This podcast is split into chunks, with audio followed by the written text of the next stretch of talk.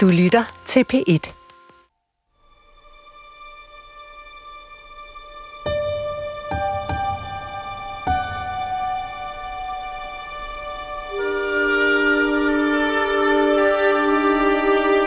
Mormor, må jeg arve dine guldtænder? Ja, øh, ja, det må du da godt, Emil.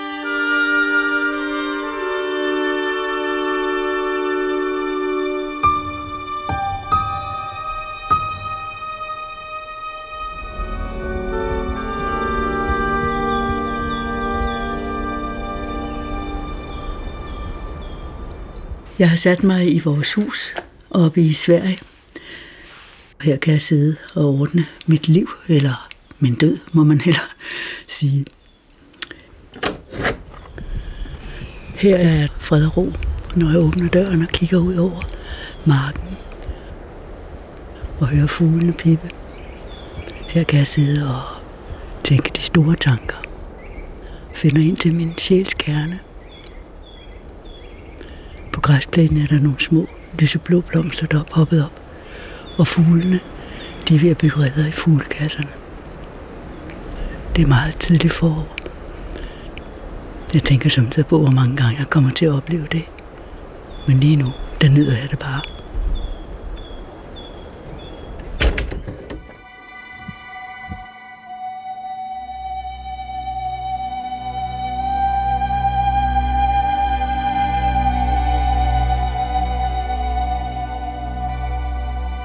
Jeg må hellere få lagt ind i min død- og demensmappe, at Emil skal arve mine guldtænder, så der ikke bliver slagsmål om den, når jeg engang er død.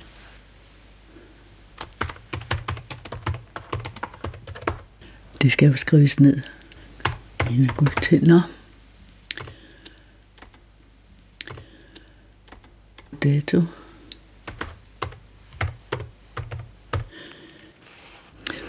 Jeg ved, hvilken mappe jeg skal lægge det i. Det bliver nok den med testamentet. Eller rettere, man kan ikke rigtig kalde det en mappe, det er måske snarere sådan en æske. Og den er beklædt med sådan noget smukt blåt stof med hvidt sjalsmønster på. Og så har jeg sat en markat på ryggen, hvor der står død og demens. Man kan åbne den med sådan en lille elastik, der sidder med knap. Og så ligger der en hel masse chartex indeni. Øh, den er beregnet på mine efterkommere, min mand, mine børn. Det er jo ikke rigtigt til at vide, hvem der dør først, men i alt tilfælde så er det meningen, at øh, det skal være forholdsvis nemt at gå til, hvis det er mig, der dør først. Øh.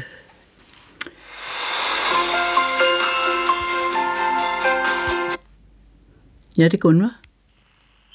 Ja, hej Gunnar. Det er Torben Brandt, din redaktør. Ja, hej Torben.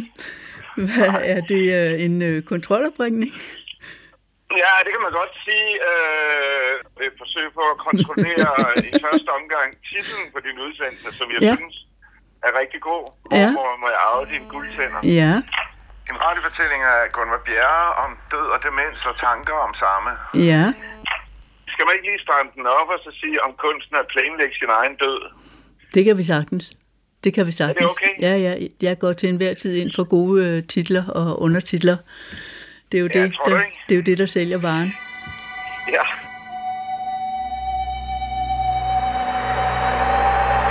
En kop te.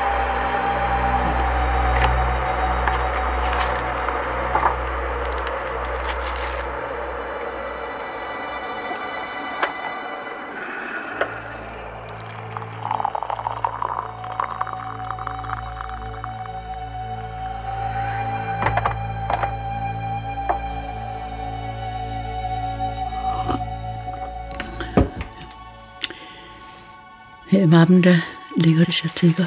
Et af de første, det er det, der hedder generelt. Og her har jeg simpelthen listet op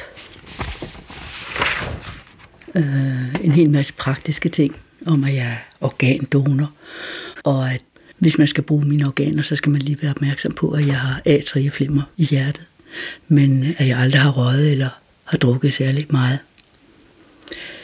Jeg ønsker ikke livsforlængende behandling.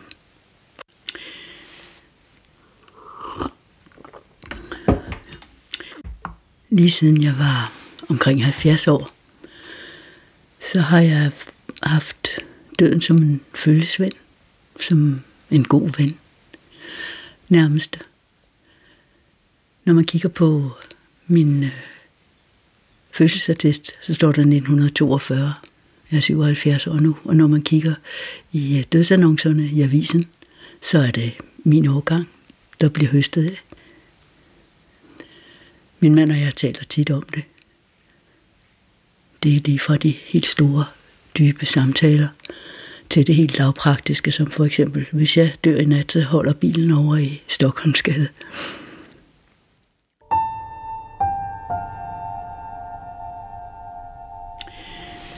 Her har jeg lavet øh, en fuldmagt. Her, der står til mine børn her. Øh, øhm, jeg giver hermed fuldmagt til min mand og mine børn, til at de kan disponere på mine vegne i tilfælde af, at jeg ikke selv er i stand til det. Måske fordi jeg er blevet dement, ligger i koma eller lignende. Og så har jeg underskrevet det med dato, så de kan se, at det er på et tidspunkt, hvor jeg endnu var med mine fulde fem, eller måske mine fulde tre et halvt.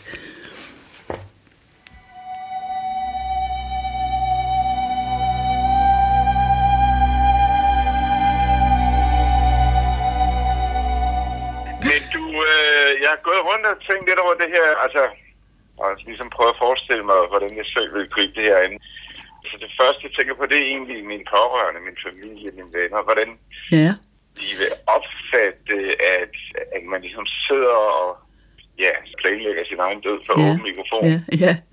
Øhm, Ved du hvad, den der mappe, jeg har lavet, det er jo det er faktisk for at hjælpe dem, for at lette dem, for at, øh, jeg ved, når nogen dør, så skal der ordnes 10 millioner ting inden for en uges tid, inden begravelsen foregår, og der er alle mulige spørgsmål og praktiske ting, og nu ligger det her helt klart til dem lige til at gå til. Øhm, så, Ja. så på den måde tror jeg faktisk, de vil være mig taknemmelige for, at jeg har, har lavet det. Ja. Ja. Det er sjovt, fordi øh, jeg er også oppe i en alder, hvor jeg går til begravelser hele tiden. Ja. Og hver gang jeg rejser mig fra begravelseskaffen, så tænker jeg, ej, nu skal jeg bare ud og leve. Altså, Jeg, jeg, jeg læste engang, jeg tror det var radisserne, hvor den altid pessimistiske Søren Brun, han siger, ja, en dag skal vi jo alle sammen dø, og så siger Nusa, ja, men alle de andre, der skal vi ikke. Så sådan har jeg det. det er rigtigt. Ja.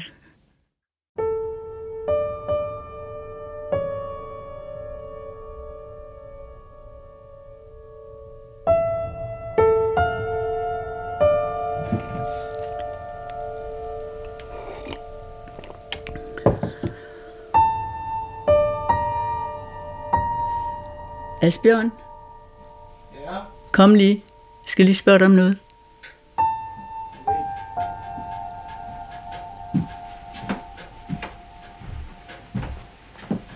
ja.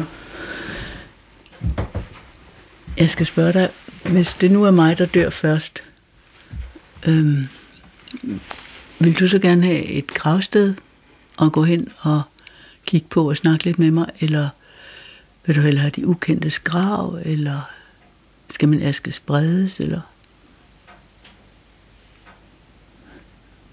Det ved jeg ikke. Det synes jeg er et svært spørgsmål. Det er meget svært.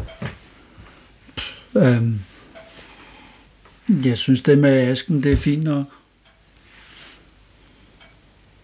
For mig. Altså, jeg har ikke behov for at gå hen et sted. Fordi tænker jeg på dig, så tænker jeg på dig, og så snakker vi sammen. Ja, Men det, hvis jeg tænker på andre, så kunne det jo godt være, at, at det var Altså en børnene? god... Ja, fordi det har vi jo oplevet at med din mor, da hun døde, at, at øh, der har været et behov for at, at gå ud og lægge blomster og alt det her. Så det kunne jeg forestille mig, at det samme vil gælde med dig. Eller det ved jeg. Så så du synes altså, at, at jeg skal, jeg skal begraves ja. og have en, en, en Ja. eller anden... Der skal nok være et punkt, hvor man kan gå hen. En plade mm. eller Mm. et eller andet. Ja. En sten. Okay. Så skriver jeg det. Godt. Altså personligt, så vil jeg jo gerne have, at øh, du tog min aske i en stor plastikpose, og så rejste du rundt i verden, og så strøede du lidt askehist og lidt askepist, sådan så jeg ligesom kom lidt med rundt i verden. Kunne det ikke være smukt? Det kunne det. Og den kunne jeg da være helt med på, hvis det var realistisk for mig at rejse verden rundt. Nu er vi jo begge to gamle, så...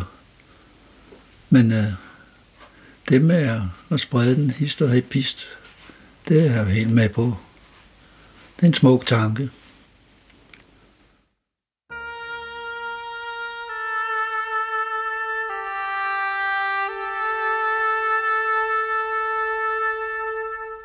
Her har jeg så med testamente. Da min mand og jeg jo først har mødt hinanden ret sent i livet, så har vi jo hver vores kulbørn. Og øh, de har aldrig boet sammen, vores børn. Og de har det rimelig godt med hinanden, men det er aldrig sådan, at de øh, ligesom er bedste venner eller opsøger hinanden umiddelbart. Så man kunne godt forestille sig, at øh, når den ene eller den anden er døde, så kunne der blive problemer.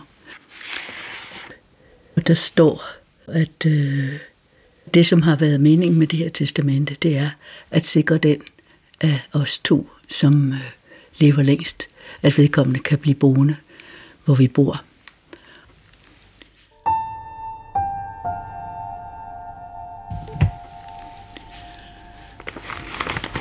Så er der også her et chatek, der hedder Sange og digte. Det er nogle forslag til musik, der kan spilles til min bisættelse. Der er for eksempel øh, den sang, der hedder Song til friheden af Bjørn Afselius. Den er så smuk. Den hedder Du er det fineste, jeg ved. Og øh, det der med frihed, det betyder jo utrolig meget, det der at have politisk frihed, personlig frihed.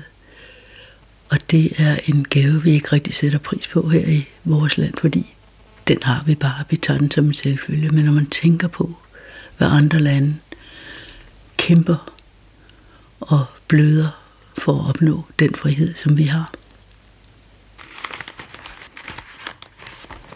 Min gode veninde Hanne, hun var rigtig varm på Bjørn Afselius, og det var jeg også. Men øh, hun vandt, fordi så mødte hendes datter ham på en café og gik hen og bad om hans autograf. Og han var sådan lidt smiret over den der unge pige, der godt ville have en autograf fra en lidt aldrende musiker, indtil hun sagde, det er til min mor.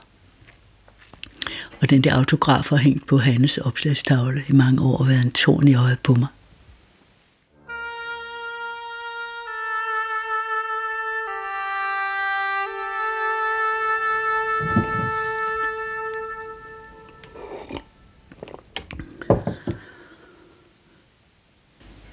Det der med at blive gammel er, det er en svær proces, synes jeg. Jeg føler, at øh, jeg står på sidelinjen og ligesom betragter min egen aldringsproces og mit eget forfald, mens jeg indeni føler mig som en 40-årig, eller som jeg synes, jeg har gjort hele mit liv, føler mig som den, jeg er. Når jeg kigger mig i spejlet om morgenen og ser det der ældre ansigt med alle rynkerne, så siger jeg, hvem er den gamle kvinde? Jeg kan ikke rigtig kende hende. Men øh, så har jeg sat ovenover spejlet et skilt, hvor der står, du ser skide godt ud i dag. Og det hjælper lidt. Til gengæld synes jeg, at jeg har fået en, øh, en rummelighed, en tolerance, og fundet øh, en balance i livet. Altså jeg føler, at jeg hviler meget i mig selv. Og så er det jo en gave at have en at blive gammel sammen med. At have den der fortrolighed og samhørighed, som et øh, langt samlivsforhold giver. Det der at have en, man bare kan række hånden ud til, eller lægge i armen med. Det giver utrolig meget livsglæde og livskvalitet, og det er noget, jeg hver eneste dag sætter pris på.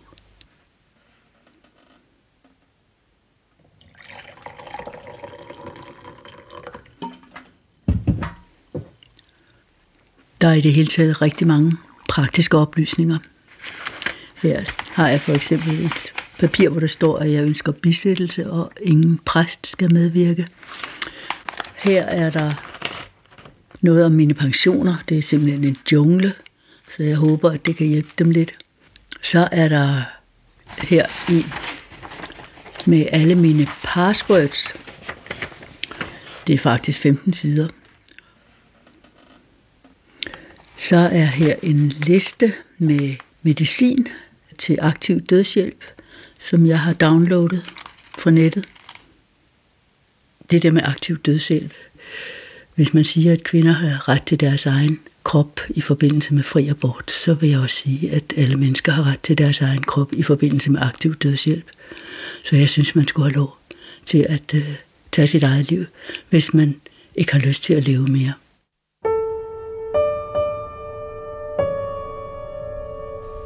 Men spørgsmålet er jo, når man kommer så langt, rent faktisk øh, gør det.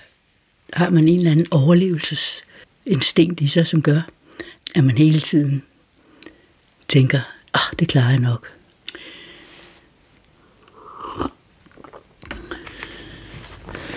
Og der ligger et brev til mine børn. Øh, et brev, jeg har skrevet for nogle år siden. Øhm, det begynder sådan her. Kære børn, når jeg læser det her, er jeg sikkert død, medmindre jeg har smugkigget i mappen her. Måske, forhåbentlig, har vi nået at tage ordentlig afsked med hinanden, og fået sagt de ting, vi gerne har ville sige til hinanden. Men man ved jo aldrig, hvordan man dør. I har været det vigtigste i mit liv. I har givet mig de største glæder og den største lykke, og også de største bekymringer. I har været med til at gøre mig til det menneske, jeg har været, ligesom jeg har været med til at gøre jer til dem, I nu engang er. Og så fortsætter brevet. Det er langt.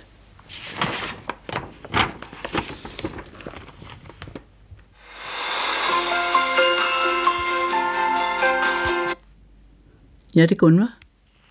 Hallo? Hej Torben. Ja, hej Gunnar.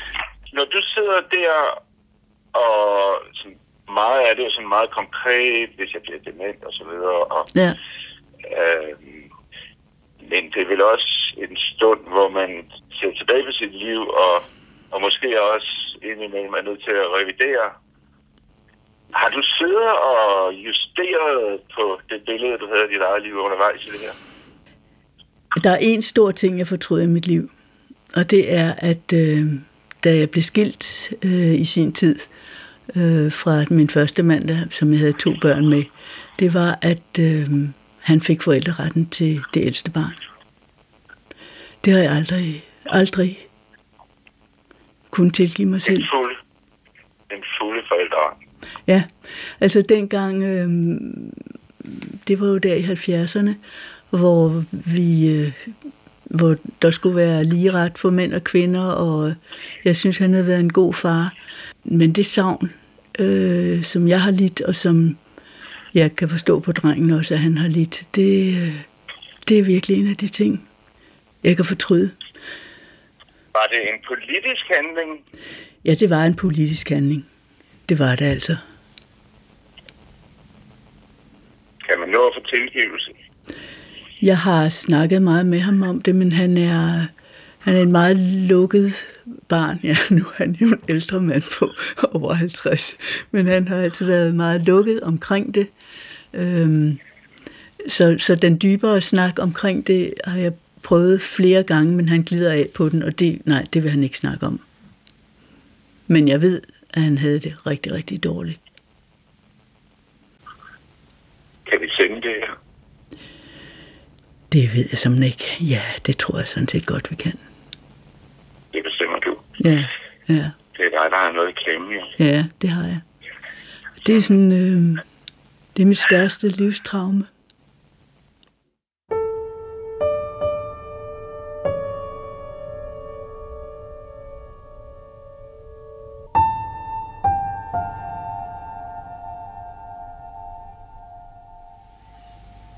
Da min mor døde, så følte jeg, at, øh, at der var ligesom et helt bibliotek, der døde. Og der var pludselig ikke nogen mere, jeg kunne spørge om, hvem var det nu egentlig, Tante Getty var? Var hun en i familien, eller bare en god ven? Så er der her en øhm, uddrag af en bog, der hedder Taget af tyskerne. Det handler om min morfar. Han var øh, konservativ borgmester i Brønderslev og dyrlæge. Og en aften under krigen, så blev han kaldt ud til en, en ko, der ikke kunne kælve. Og da han kom ud i nærheden af gården, så blev bilen stoppet. Og det var nogle af de danske stikkere, som øh, havde lavet et falsk opkald. Og så kørte de morfar ind til Aalborg, og så skød de ham der. Øh, det var et såkaldt clearingsmor. Så min mormor, hun blev enke i en ret tidlig alder. Og min mormor er et af de mennesker, som jeg virkelig, virkelig har elsket, og som jeg stadigvæk savner.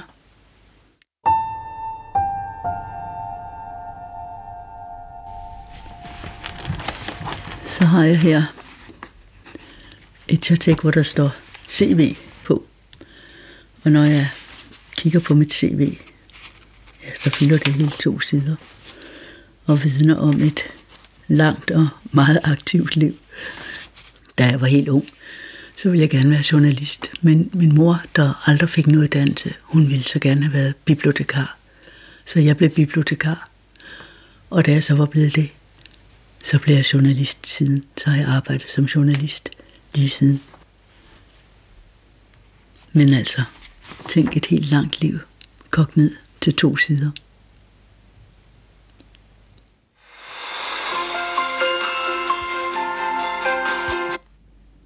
Ja, det er Gunvar. Ja, det er Torben Brandt. Ja, hej Torben. Øh, du skriver, du er ved at være færdig med optagelserne. Jeg tænkte på det der med, om der er et liv efter døden. Er det noget, du har været inde på? Er det noget, vi skal have med? Det tror jeg ikke på. Jeg har en veninde, som var død i 3-4 minutter, og hun siger, at der var ikke noget andet end, det var bare som at sove. Men måske har der været et liv, før man blev født. Altså, Samtidig så tænker ja. jeg, at jeg har været et baobabtræ i mit tidligere liv. Altså, jeg har rejst meget i Afrika, og hver gang jeg ser et baobabtræ, så er det fuldstændig som, jeg ser mig selv. Der er en, en samhørighedsfølelse mellem de der gamle træer, som har stået der i 2, 3, 4, 5.000 år, og med, øh, har oplevet rigtig, rigtig meget. Ikke? Altså, jeg oplever mig selv sådan nu har jeg benene godt plantet her i jorden, og barken er blevet knuppet og nubret, og jeg har oplevet så meget, så meget i mit liv. Ikke? Så jeg, jeg tror, måske, måske har man haft et, et liv tidligere, det ved jeg ikke. Men øh, jeg kan ikke rigtig forklare den der fuldstændige fascination af de der gamle, gamle træer. Så det kan jo være. Heller ikke. Nej.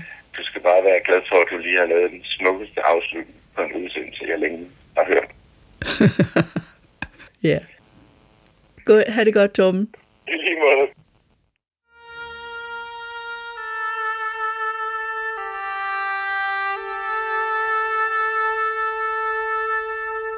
Selvom det måske var en meget god udgangsreplik, så er udsendelsen ikke helt slut, fordi jeg må lige finde ud af, hvordan man gør rent praktisk med det der med guldtænderne.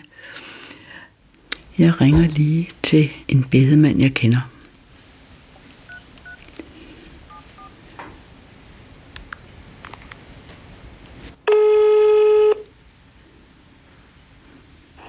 Er.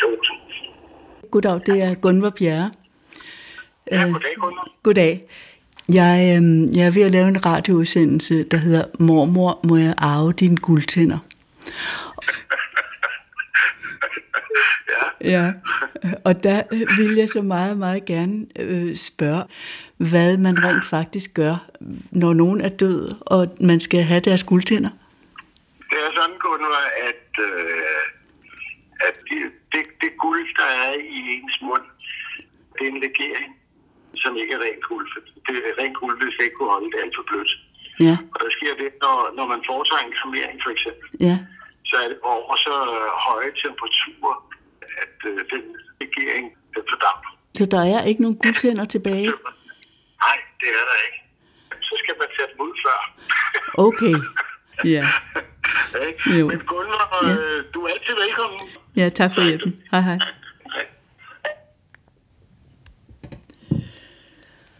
Okay. Så der bliver jo faktisk ikke nogen guldtænder arve. Hvordan får jeg sagt det til Emil?